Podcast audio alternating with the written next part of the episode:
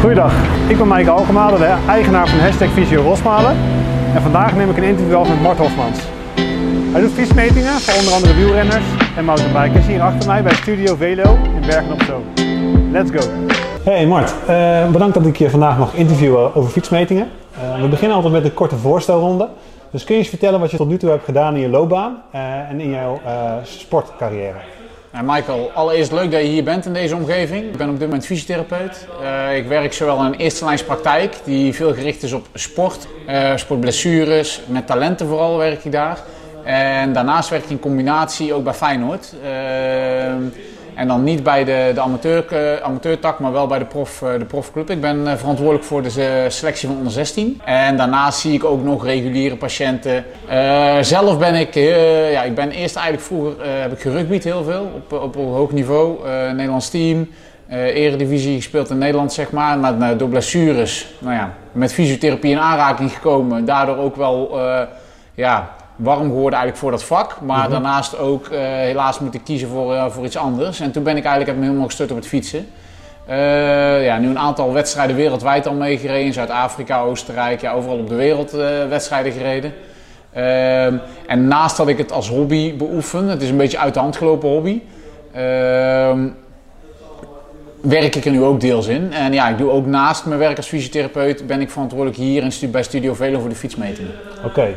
Ja. En waarom ben je precies fietsmetingen gaan doen, Mart? Nou ja, ik, ik ben er zelf. Uh, ik heb hiervoor bij een andere fysiotherapiepraktijk gewerkt en die wilde het introduceren. Die wilde het, omdat er een fietsgemeente zat, die wilde eigenlijk dat aan gaan bieden. Ja. Uh, ik had affiniteit met fietsen, omdat ik het zelf heel veel doe. Dus zij hebben mij gevraagd of ik me daarin wilde verdiepen. Nou, dat leek me wel erg interessant. Uh, dat is vanuit mijn eigen motivatie, maar wat ik denk, uh, wat ik, of wat ik vind, dat is mijn mening ook wel. Uh, mensen geven heel veel geld uit aan een fiets. Uh, soms wel uh, 10.000 euro, fietsen van 10.000 euro, spullen geven ze heel veel geld aan uit. Mm -hmm. Maar hoe ze vervolgens op die fiets zitten, waar ze dus eigenlijk het meeste aan hebben, in mijn ogen, daar schort het nog wel eens aan. Uh, daar zijn mensen ook kritisch over wat betreft kosten. Dus dat moeilijk voor mij om te begrijpen. Want hoe je op die fiets zit bepaalt heel erg veel hoe hard je kan rijden, uh, hoe makkelijk je hard kan rijden vooral. Oké. Dus hoe efficiënt je kan rijden is, is met name heel afhankelijk van hoe je op die fiets zit. Oké. Als we daar dan dieper op ingaan, uh, kun je daar nog iets meer over uitleggen? Want waar kijk je bijvoorbeeld naar tijdens een fietsmeting? Nou ja, wat we, wat we hier doen is eigenlijk een pakket. We hebben, werken ook nog samen met een andere fysiotherapeut. Uh, en we hebben eigenlijk een soort drieluik gemaakt hier. Er wordt een fysiotherapeutische screening gedaan, want in het lichaam kan natuurlijk, nou ja, zoals jij zelf ook weet natuurlijk, kunnen heel veel factoren zijn die een beperking kunnen leveren. Ik geef wel het voorbeeld met een pols. Als de pols aan deze kant zo ver kan buigen en aan deze kant maar een klein beetje, gaan mensen scheef op de fiets zitten. Mm -hmm. Dat wil niks zeggen dat het aan die fiets ligt. Kan je met de fiets ook niks corrigeren. Dan moet het juist fysiotherapeutisch, moet er iets aan gedaan worden, dit gelijk te krijgen. Want dan kan iemand weer recht op de fiets zitten. Ja. Maar als iemand dit wel gelijk, kan eh, gelijk heeft en alles is gelijk, maar zit toch scheef of krijgt toch rugklachten of toch eh, knieklachten, dan zit het ergens in de fiets. Nou, je hebt een aantal punten in de fiets die je kan bekijken. Dat zijn met name de trappers, want dat is de contactmoment. Daar moet je je kracht leveren. Het stuur kun je iets mee doen. En je kan met iets doen. Dat zijn eigenlijk de drie punten waar we, waar we bij kijken, bij een fietsmeting, bij kijken, waar we variaties in aan kunnen passen. Oké, oké. Uh, onlangs is het nieuws geweest hè, dat fietsen op dit moment echt niet aan te slepen zijn. Omdat nee. heel veel mensen uh, tijdens de coronamaatregelen ervoor kiezen om individueel te sporten. Ja. En dus een fiets aan te kopen in de vorm van een mountainbike of een wielrenfiets. Mm -hmm. uh, zijn er nog tips voor mensen waar ze zelf op kunnen letten bij het aankopen van een fiets? Ja, die, en die vraag, want dat, dat vergat ik net eigenlijk nog te zeggen. Kijk, als de frame van het fiets goed is, die maat, ja. dan kom je met je houding altijd wel redelijk goed uit. Maar het is vooral bij aankoop van een fiets is het wel echt belangrijk dat je goed let of je binnenbeenlengte meet of je gaat naar een specialist bij jou in de buurt. Ja. Om je ze op te laten meten en dan een advies te geven over welke framemaat moet ik nemen. Want wij komen het hier ook wel eens tegen dat iemand gewoon een te klein of een te groot frame heeft. Ja, dan wil je hem goed op zijn fiets zetten, maar dan is, dat, dan is het frame de beperking. En daar kan je niks aan doen. Aan een zadel, aan trappers en aan stuur kan je nog iets doen. Maar aan een frame, daar kan je niet kleiner maken. Dat heeft de maat zoals het is. Dus ja. dat is wel een van de belangrijkste dingen waar je echt op moet letten bij mensen die beginnen met fietsen en die een fiets aan willen kopen. Laat je adviseren over die framemaat. Oké, oké. Eh, stel je nou voor hè, dat, dat, dat je alsnog eh, niet goed opgelet hebt en je hebt een fiets gekocht met de kleine framemaat. Wat zou er in de toekomst kunnen gebeuren? Nou ja, je zou klachten kunnen gaan ontwikkelen. Zeker. Rugklachten, nekklachten. Knieën ook wel, maar dat heeft ook veel met je pedaal te maken, maar zou ook zeker kunnen. Eh, ook als die bijvoorbeeld de fiets te groot is, hamstringklachten. Ja, dus er kunnen overal in het lichaam klachten op gaan spelen, omdat die fiets niet goed is. Kijk, je moet eigenlijk een fiets aanpassen naar een lichaam en niet een lichaam aan willen passen naar een fiets. De fiets moet naar jou aangepast worden. Dat is mijn visie. En dat, dat is ook wat we hier doen. We passen die fiets aan naar het lichaam van die persoon. ja. oké. Even terug hè, naar eh, de persoon die voor het eerst een fiets gaat kopen. Ehm, wat zou je adviseren qua eh, het inzetten van de belasting? Dus hoe vaak moet iemand eh, uiteindelijk op die fiets gaan zitten? Zeker in het begin is dat misschien wel belangrijk om daar iets over te zeggen. In Ja. verband met overbelasting die kan ontstaan. Ja. Heb je daar nog tips voor? Ja, je hebt, met, met, je hebt verschillende soorten type fietsers. Daar, daar, op basis daarvan doen wij ook een fietsmeting hier. Dat zijn eigenlijk vier categorieën, waarbij je gaat van eigenlijk de mensen die gaan voor comfort, de mensen die wat sportiever willen rijden. Nou, dan ga je naar de professionals en dan uiteindelijk heb je nog ja, zeg maar de pro's. Eh, en dat heeft met de mate van diepte, hoe diep je zit op je fiets, heeft dat eigenlijk te maken. Kun je dat uitleggen wat je daar precies mee bedoelt? Ja, dus hoe, hoger het, eh, je, je, hoe dieper je zit, nou, hoe aerodynamischer je kan zitten. Ja. Dus dat betekent dat de, het zadel hoger staat en je stuur lager en, diep, en je stuur ook verder naar voren waarschijnlijk. Zodat je nog verder naar voren zit, nog dieper, dus nog aerodynamischer zit. Maar je begrijpt, als je lang in die houding moet zitten, voor iemand die dat nooit gedaan heeft, ja, dan is dat heel, heel erg belastend, voornamelijk voor je onderrug ook. En eh, met de hoogte van het zadel ga je vooral de hamstrings ook wel aanspreken.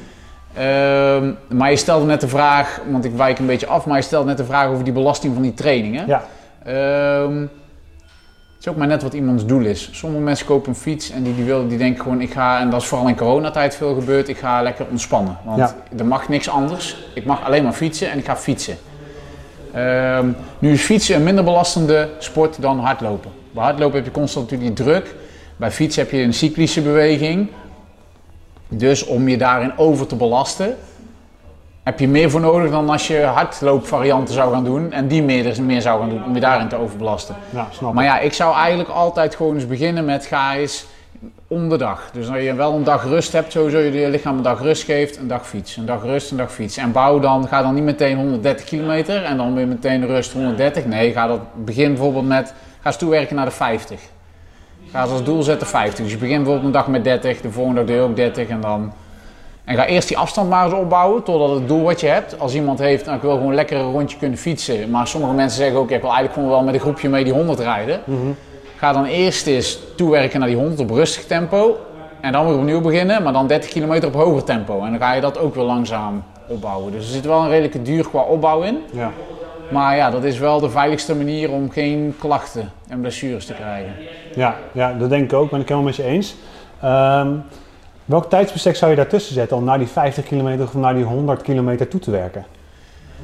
Ja, dat is ook moeilijk. Dat, is, dat, vind ik, dat vind ik een goede vraag, maar dat is ook moeilijk te beantwoorden, want ik denk dat het persoonlijk is. Ja. Ehm, heb je iemand met een sportieve achtergrond, die al heel veel andere sporten heeft gedaan en nu het fietsen op wil pakken, dan Ja. merk je toch vaak, die pakken, sneller, die pakken dat sneller op. Daar Mhm. kan die opbouw iets sneller. Heb je mensen die wat minder fanatieke sport hebben voordat ze het fietsen oppakken, ja, dat lichaam moet eerst wennen aan die belasting. Gewoon überhaupt aan belasting moet dat lichaam meer wennen. Dus die stappen, die zijn ook, daar heb je een langere tijdsperiode voor nodig. Omdat ja, voordat die mensen aan belasting gewend zijn, ben je al een paar weken, misschien wel een maanden verder. Ja. En dan pas opbouwen. Ja, ja. Eh, is er nog een advies te geven qua lichaamsbouw om te zeggen van goh, ehm, je kunt beter op de mountainbike gaan fietsen eh, of je kunt beter op een wielrenfiets gaan fietsen? Nee, dat is puur, puur ehm, de voorkeur die de persoon heeft. Oké, Het is wel zo dat als je, als je eerlijk gezegd nog nooit gefietst hebt, dan zou ik eerst gewoon eens op de racefiets gaan zitten. Ook uit eh, veiligheidsoogpunt. Veel mensen onderschatten ook het mountainbiken en nu met name de winter weer. De wintermaanden komen eraan, dan gebeuren er veel meer ongelukken in het bos en dan krijgen we ook veel meer blessures. ja, Ehm, ga eerst gewoon eens dat fietsen oppakken. Als je dat nou echt leuk vindt en je vindt het eigenlijk te saai op de weg, ga dan het mountainbiken eens doen. Of koop een mountainbike Maar ga dan eerst wel beginnen op de weg, zodat je eerst je fiets een beetje leert kennen. Ja, Als je echt denkt van nee, mountainbiken is veel leuker. Wat ik heel goed kan begrijpen als mountainbiker. Maar als je dat denkt, eh, begin eerst op de weg. Begin dan, ga een makkelijke route opzoeken. Maar je merkt tegenwoordig wel dat heel veel mensen te snel de stap willen maken op moeilijkere parcoursen en dingen. Ja, en dan loop je gewoon het gevaar. Wat de kans op blessures wellicht vergroot. Ja, En oké. dan geen blessures als rugklachten, eh, dingen, maar dan, dan meer blessures als in breken van de sleutelbeen of die dingen. Want Ja. dan is er vaak een val bij. eh, Valrisico. ja. Ja, ik snap het. Ehm, dus ja, fietsmeting doe je dan eigenlijk ook wel min of meer om blessures te voorkomen. Ja, dus die valrisico, ja, dat verklein je of vergroot je er niet mee. Maar wel om, eh, nou ja, je hebt verschillende motieven om een fietsmeting te doen. Mensen komen met verschillende motieven hier naartoe. Sommige sporters, of bijvoorbeeld ook professionele renners komen hier naartoe. Ja, Maar die willen efficiënter op hun fiets zitten. Dus die willen eigenlijk met hetzelfde wattage harder kunnen rijden. Dus omdat je beter op je fiets zit, kan je een vermogen leveren. Waardoor je harder kan rijden. Terwijl je met datzelfde vermogen op je oude instellingen van je fiets, Ja. maar een lagere snelheid haalt. Snap je? ja, Dus als je dan gaat trainen en je verhoogt dat vermogen nog, nou, dan ga je dus per ratio ga je steeds iets sneller met die nieuwe afstelling. Daarnaast heb je mensen die komen met rugklachten, knieklachten. Nek, schouder zie je ook heel veel, omdat mensen te ver naar voren zitten. ja, Met hun stuur bijvoorbeeld. oké. Nou ja, dat zijn dingen die, eh, ja, daar, daar, is een beetje, daar kan je een beetje uit kiezen wat betreft eh, bikefitting, zeg maar. Ja, ik snap het. Ja, weet je, eh, een duidelijke uitleg.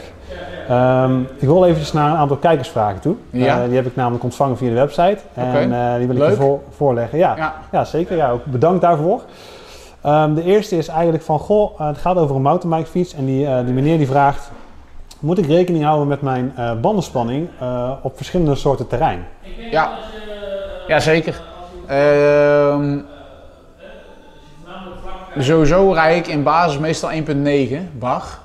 Eh, maar ja, hoe losser het is, hoe zachter je de band ook wil hebben. Want dan heb je een breder drijfvlak in die, in die band. Omdat die band zachter is, zet je wat uit, wordt die wat breder en heb je dus meer grip in het losse zand. Ja, Maar ligt het er heel strak bij, net als nu in de winter gaat het aanvriezen en dergelijke, dan lijkt het net of er een fietspad in het bos ligt. Ja, als je dan, als je ook weer daar kijken wat het doel is, als je daar snelle tijden zou willen rijden, dan Ja. die banden oppompen en gas geven, zeg maar. Maar eerlijk gezegd, persoonlijk, ik rij meestal eigenlijk altijd, waar ik ook rij, gewoon op 1.9. oké. Ja. oké. En dan gaat het om beide banden, neem ik aan. ja. Je kan daar ook nog in variëren, de profs doen dat wel, dus die doen soms voor wat, wat, wat minder en, eh, en achter wat meer of andersom. Ja, Ehm, eerlijk gezegd ben ik er nog steeds ook zelf van overtuigd. Het gaat ook om de persoon die op de fiets zit. De fiets is heel belangrijk. Maar daarnaast ook de persoon die op de fiets zit. oké. oké. Gaan we naar de volgende vraag. Ja, Eh, dat is ook weer een vraag van een meneer. En die vraagt: eh, Goh, ik zit erover te twijfelen om klikpedalen te laten monteren. Maar ik wil graag weten wat de toegevoegde waarde is. ja. Nou, de toegevoegde waarde van klikpedalen is een hele goede vraag. Want die vraag krijg je wel vaker inderdaad. Vooral ook eh, bij mensen die overstap gaan maken van pedalen, eigenlijk normale fietspedalen om het zo maar te noemen, naar klikpedalen. Nou, wat je bij normale fietspedalen hebt, is als je je voet naar beneden duwt, dus de kracht aan het leveren bent. Dat is het krachtmoment. Dus vanaf 12 uur, dus je hebt je, je trapper boven en je gaat hem naar beneden duwen. Nou, dan kan je kracht leveren. En dat kan ook met een normaal pedaal. Alleen Ja. als je onderkomt en je wilt terug naar boven, op een normaal pedaal, ga, als je hem omhoog zou willen trekken, bij wijze van spreken, dan gaat je voet zweven, want je, je zit niet vast aan je pedaal. Wat je dus kan doen bij, eh, bij je klikpedaal, je zit vast aan die trapper, je duwt hem naar beneden, je kan de hele tijd kracht leveren. En als je omhoog komt, kan je nog een beetje extra kracht meegeven door te trekken. Ja, En dan gaat je andere, het is iedere keer een tegenwerkende kracht, want je trapt op deze manier, dus deze geeft kracht en deze moet trekken. Hoe meer je hier trekt, hoe minder weerstand je hier hebt, dus hoe harder je weer hier naar beneden kan trappen. dus je vergroot ook het wattage? Ja. Oké, Ja, dat, dat sowieso zeker. En dan is er nog een techniek in, waardoor je dus met dat trekken, ja, dat is, dat is vrij ingewikkeld, maar waardoor als je hem omhoog trekt, dan hou je je trapper niet tegen. Wat je ook kan doen, is gewoon je voeten passief op laten staan, maar dan moet er hier kracht geleverd worden. En dan sta je hier passief ja, met je voet op de trapper. Dus dan heb je aan het einde minder vermogen. Ja. Als je hier nog eens omhoog kan trekken, dan help je eigenlijk die, deze beweging maken. Dus als je hier ook achter nog eens omhoog kan trekken, nou, dan heb je dus extra ja, precies. vermogen dat je kan leveren. Precies. Oké, ja, bedankt voor je antwoord. Ja. Eh, derde vraag en dan daarna nog een laatste. En dat is een vraag van een mevrouw en die is onlangs ook begonnen met fietsen en die zegt van... Goh, ik blijf toch wel last houden van zadelpijn. Is daar iets tegen te doen? Ja, er is zeker iets tegen te doen. Er werken veel systemen werken met een zadelanalyse, zeg maar. Ehm, wij hier bij Studio Velo in mindere mate doen we dat. Wij pakken meer ook de mobiliteit van de onderrug. Laten we bepalen wat het zadel doet, zeg maar. Dus we gaan kijken hoe ver iemand naar voren kan buigen. De, zijn handen met zijn, uh, zijn teen aan kan raken. We kunnen misschien straks nog even daar een plaatje over laten zien. We hebben daar ook een bepaald schema. Okay. En op basis daarvan, met het systeem waar wij werken, wordt een zadel geadviseerd. Oké. En dat gaat dan puur om de druk die dan, hoe die, hoe die dan verdeeld kan worden. Het ligt ook aan de lenigheid hoe ver je hier naar voren kan gaan. Nou, als je dus ver naar voren kan, komt de druk net op een ander punt van je zadel te liggen. Waar je Ja. dan een breder steunvlak in je zadel nodig hebt. Maar Ja. kom je niet zo ver naar voren, dan ligt je drukpunt wel ver naar achteren. Moet je daar weer iets bredere uitweiding van je zadel hebben. Dus zo Ah, kijken wij daarnaar, zeg maar. Ja, ik snap het. Heeft spiermassa nog, eh, is er nog een factor die daarin meespeelt? Hoe bedoel je dat precies, spiermassa? Nou, dat eh, het eigenlijk werkt als een soort van kussentje, waardoor je wellicht minder kans hebt dat je last krijgt van zadelpijn. Nou ja, als je ziet hoe, eh, hoe dun eh, de, de wielrenners hedendaags zijn, zeg maar met Ja. sommige 67 kilo. Dan, Daar zit geen grammetje vet of iets aan. Dat, nee, dat, zadelpijn is ook een kwestie van trainen. Oké, oké, dankjewel. Ja.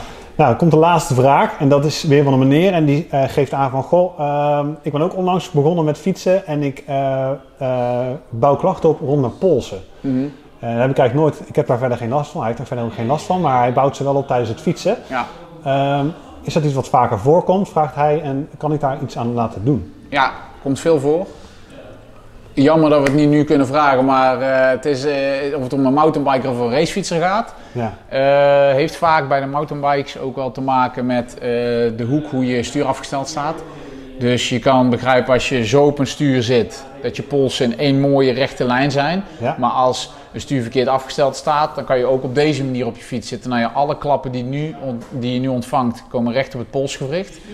Als je hier zit, kan je mooi je ellebogen en je schouders als een soort veer gebruiken, omdat ze mooi in één rechte lijn, dus die kracht loopt in één rechte lijn door naar je ellebogen. En daar kan je veel meer uithalen door je pols te ontlasten. Ja. Bij racefietsers zie je het vaak dat het stuur te ver naar voren staat. Dus dat ze eigenlijk dit al heel veel naar voren aan het leunen zijn. Nou ja, soms ook weer met die hoek. Dus daar moeten mensen vooral op letten. Kijk, je kan het ook trainen. Je kan ook eens proberen van, oké, ik kan mijn stuur net iets anders vasthouden. ja, Door je remgreep ook iets naar voren te zetten, dan moet je al zo gaan zitten. Dat zou deze meneer ook eens kunnen proberen. En anders is het toch wel handig om daar eens naar laten kijken. Want, zoals jij ook aangeeft, hij ontwikkelt zich tijdens het fietsen. Anders niet. Nou ja, dan is de factor die, het, eh, eh, die de oorzaak is, dat is de in het fiets. fietsen zit. Ja, ik snap Dus- het. Ja. Oké, eh, dat was de laatste vraag die ik door heb gekregen. Luister gewoon goed naar je lichaam. Kijk, weet je, net als met hardlopen, met alle sporten die je opbouwt. Je, vroeger, je stelde ook die vraag over overbelasting. Dat hebben mensen ook zelf in de hand. Ja, Eh, als je voelt dat je Zeker. lichaam moe is, dan ga je een keer niet trainen. En één keer een training overslaan of twee keer, daar word je echt geen, opeens geen mindere renner of wat dan ook van.